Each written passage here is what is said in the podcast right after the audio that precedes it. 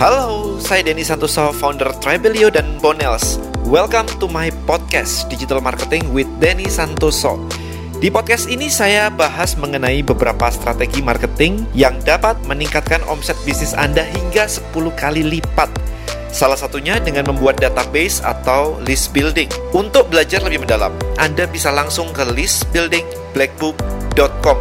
Follow juga YouTube dan Instagram saya @denny_santoso. Di sana saya juga berbagi ilmu mengenai digital marketing dan mindset setiap hari. Right, ayo kita mulai. Enjoy the podcast and see you inside.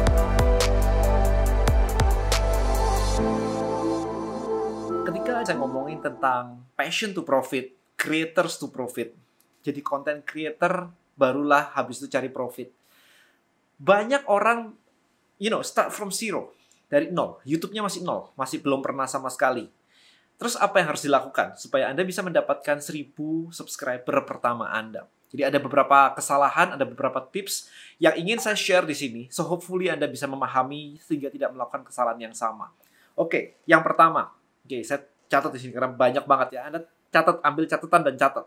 Yang pertama adalah Anda post dulu video pertama Anda ya sekitar 35 sampai 50 video pertama Anda. Jadi jangan berharap Anda posting 5 video, ini yang yang kesalahan orang awal ya. Mereka berharap kayak upload video cuma 5 atau 10 dan tiba-tiba kayak rame banget. Followersnya langsung mulai bertambah, subscribernya langsung nambah. Enggak, enggak kayak begitu. Jadi Anda mesti tahu bahwa YouTube itu punya algoritma. YouTube perlu menemukan kira-kira konten Anda ini seperti apa sih? Temanya apa sih? Siapa orang-orang yang cocok untuk menonton video Anda? Ya, dengan watch time yang panjang dan sebagainya. Tapi intinya adalah uh, yang yang bisa Anda lakukan di sini adalah Anda posting lebih rutin. Let's say Anda posting setiap hari deh pertama. Satu hari satu, jangan kebanyakan juga kayak sehari langsung 10, jangan kayak begitu juga. Kayak saya, it's okay. Sehari satu, saya posting sehari satu. Ya kalau nggak bisa ya udahlah, se seminggu dua kali lah, oke okay lah. Tapi kalau Anda posting seminggu sekali, maka untuk mencapai 35 sampai 50 video, Anda membutuhkan waktu 8 bulan sampai setahun. Kelamaan. Ya, jadi kalau bisa lebih lebih rutin lagi lah, at least dua kali atau tiga kali seminggu, maka at least anda butuh sekian bulan, tiga empat bulan udah udah bisa dapat ya. I think lima enam bulan lah ya, enam bulan udah bisa dapat. Itu. So better daripada anda seminggu sekali. Oke, okay. and don't worry guys, di awal itu pasti jelek. Jadi jangan mikirin kayak ini video harus perfect, lighting saya harus ini, background saya harus kayak punya Denny Santoso ungu dan biru kayak begini. Gak, Anda lihat video saya yang pertama bener-bener pakai cahayanya matahari. Jadi kalau Anda nggak punya lighting, it's okay, cahaya matahari. Ya, yang penting cuma satu kalau buat saya di YouTube, mic-nya clear. Karena orang mau mendengarkan suara yang clear. Ya, gambar it's okay lah, nggak harus perfect-perfect, nggak harus bokeh dan sebagainya. It's okay. Cara ngomong it's okay. Oke. Okay? Nah, itu yang pertama. Yang kedua adalah who and what question. Who and what question.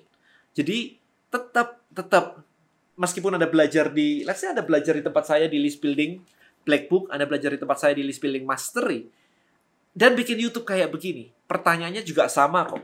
Siapa target market Anda? Jadi Anda mau bikin video YouTube ini untuk siapa sebenarnya?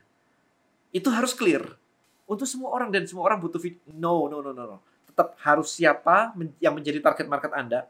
Karena itu menentukan bahasa. Kalau saya seperti sekarang, diskusi di channel saya ini cukup dalam. Jadi thank you so much buat Anda di sini yang sudah support dan subscribe ke channel saya. Tapi channel saya bukan untuk semua orang. Nggak semuanya paham tentang pembahasan saya. Bahkan ketika saya bikin video tentang kalau mau kaya jangan bikin bisnis. Karena kalau berbisnis biasanya di awal malah nggak kaya, malah sengsara. Karena yang dipikirin banyak, belum ngomongin THR, ngomongin gaji, ngomongin pajak, dan sebagainya, nguber omset, bahkan diri sendiri aja nggak terima gaji. Itu kalau Anda pernah ngerasain rasanya jadi entrepreneur. Gaji orang, gaji tim, itu nomor satu, bukan gaji Anda. Nah, banyak orang yang nggak paham karena mereka belum ngalamin ini semua sehingga mereka akan bilang kayak apaan sih mau kaya ya bikin bisnis lah kalau enggak ya ngapain gitu dan sebagainya karena mereka belum ngalamin and yes my target audience very specific, tidak untuk semua orang. Jadi nggak semua nggak akan semua orang akan paham tentang konten Anda. And it's okay. Ya, jadi tentukan dulu siapa menjadi target market Anda, very specific. Dan kemudian adalah apa problem yang mau Anda solve. Anda mau ngomongin apa sih? Karena YouTube perlu mengerti, YouTube algorithm. Ini dia perlu mengerti konten Anda ini apa dan untuk siapa. Makanya ada hashtag dan sebagainya. I think YouTube kemarin saya pernah baca di mana ya. YouTube juga memahami bahasa yang Anda katakan ketika live seperti ini. Sehingga ketika bahasa ini kata-katanya juga muncul di description, muncul juga di title, kemudian ada juga di hashtag, akan semakin relevan daripada cuman muncul doang di title doang tapi di description nggak ada kemudian di hashtag nggak ada jadi anda perlu search di Google untuk algoritma ini lebih lebih dalam lagi tapi yang saya tahu adalah semua harus align sehingga YouTube tahu video ini apa dan untuk siapa. Oke, okay. saya pernah mengalami kemarin itu tidak spesifik ketika sedang mengembangkan Twitter saya. Saya mau posting apa pun yang saya mau. Jadi benar-benar saya ngomongin tentang fat loss, saya ngomongin tentang bisnis, saya ngomongin tentang relationship, saya ngomongin tentang ngejoke dengan temen lucu-lucuan begitu. Jadi random banget. Ini adalah kesalahan besar. Jadi kesalahan yang waktu itu saya lakukan adalah saya mikirin saya. Saya suka apa, saya posting apa, dan begitu random. Sehingga akhirnya algoritma tidak bisa menerima saya ini kontennya apa untuk audiens siapa dan audiens sendiri akan confuse. Kalau saya follow akun Denny Santoso, saya akan mendapatkan konten tentang apa? Itu audiens akan confuse. Ketika audiens confuse, maka ya mereka akan follow, nyoba sebentar follow, habis itu kayak apaan sih ini nggak cocok ah, quit.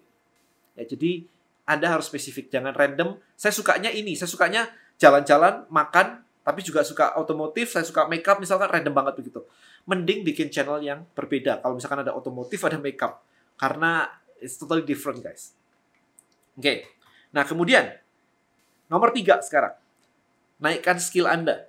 Jadi pelajari channel-channel lain yang sudah berkembang. Ya, pelajarin aja cek apa yang bisa Anda tingkatkan. Maybe desainnya, maybe video quality-nya, maybe cara ngomongnya. Saya juga mengupdate cara saya, background saya sih. Biasanya saya agak cuek terhadap background saya, tapi kali ini saya ubah kayak begini. Yes, saya masih akan syuting di video-video saya berikutnya di kolam renang, kayak di, di, di ruang tamu saya, di ruang keluarga saya. Yes, tapi saya berusaha meningkatkan kualitasnya. At least video saya getting better, hopefully lebih tajam. Kemarin lagi testing pertama pakai kamera baru ngeblur sedikit, it's okay, it's progress. Tapi Anda harus tetap keep, you know, learning, belajar dari channel-channel yang sudah berhasil. Apa yang bisa ditingkatkan? Maybe gaya ngomong, maybe cara bicara, maybe desain video dan sebagainya. Nah, cara paling gampang adalah Anda list 5 sampai 10 channel orang lain yang menjadi inspirasi buat Anda. List aja dulu. Lakukan PR ini. Jangan cuman Oke, okay, saya mau ngomong langsung di shot langsung itu. Yes, it's okay untuk di awal, it's okay. Karena nomor satu saya tadi bilang juga, it's okay, start.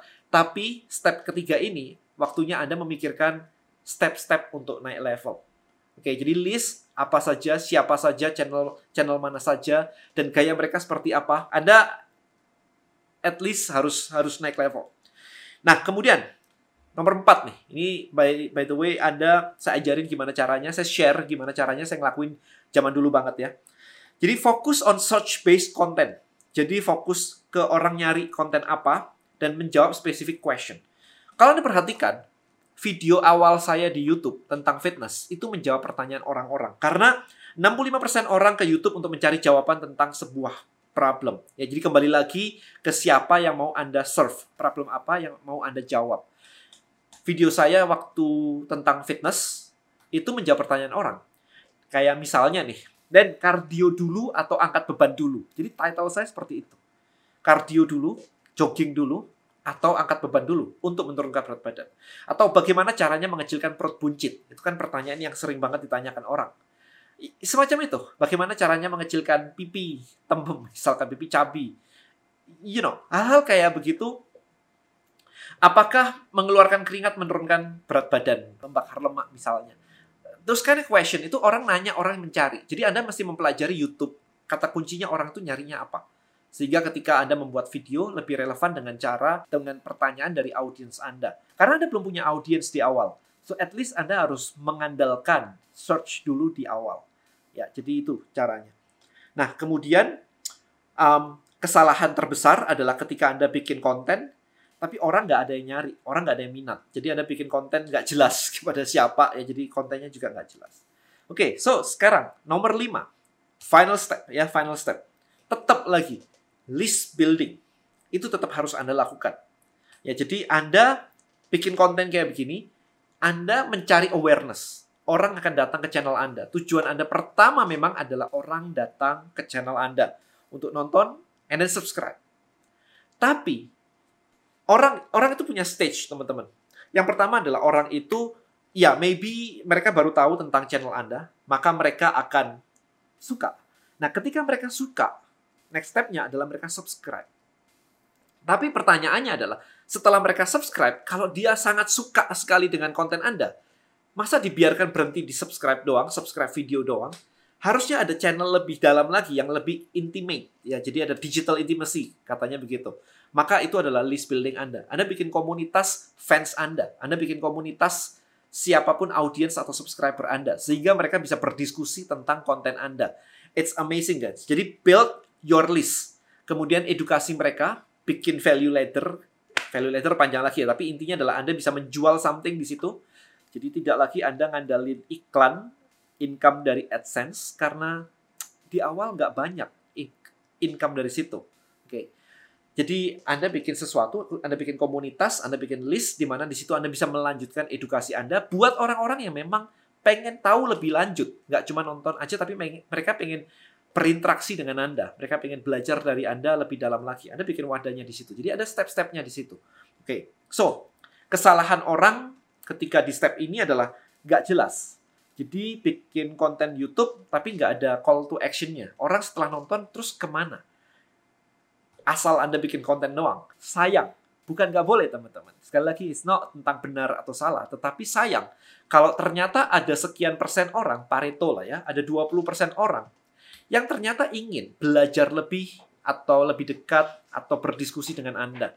Kalau Anda tidak memiliki tribe atau community. Ya, jadi dengan Anda membuat yang namanya tribe atau community, itu akan membangun relationship Anda. Nah, dari sini, kalau ada hasil dan sebagainya, Anda bisa gunakan ini juga sebagai konten juga. Sehingga konten Anda akan lebih relevan lagi. Market di sini Anda bisa melakukan market reset misalnya. Langsung ke fans Anda, dijadiin market reset untuk balik ke awal lagi, jadi konten lagi, jadi di sini orang tertarik karena uh kontennya ternyata relevan ya. Dari sini akan masuk lagi jadi kayak loop, looping gitu. Jadi YouTube sebagai front end, kemudian community atau tribe sebagai back end. Nah, ini dikonekin seperti ini. Hopefully dari sini akan nge-grow channel Anda juga, nge-grow komunitas Anda juga. Dan bisnis Anda di atas ini akan growing juga. Right guys, so hopefully buat Anda paham bagaimana sih caranya memulai YouTube dari awal. Kira-kira kerangka berpikirnya apa? Bukan cuman konten saja, tapi strategi seperti tadi perlu Anda perhatikan sehingga Anda bisa grow lebih cepat lagi.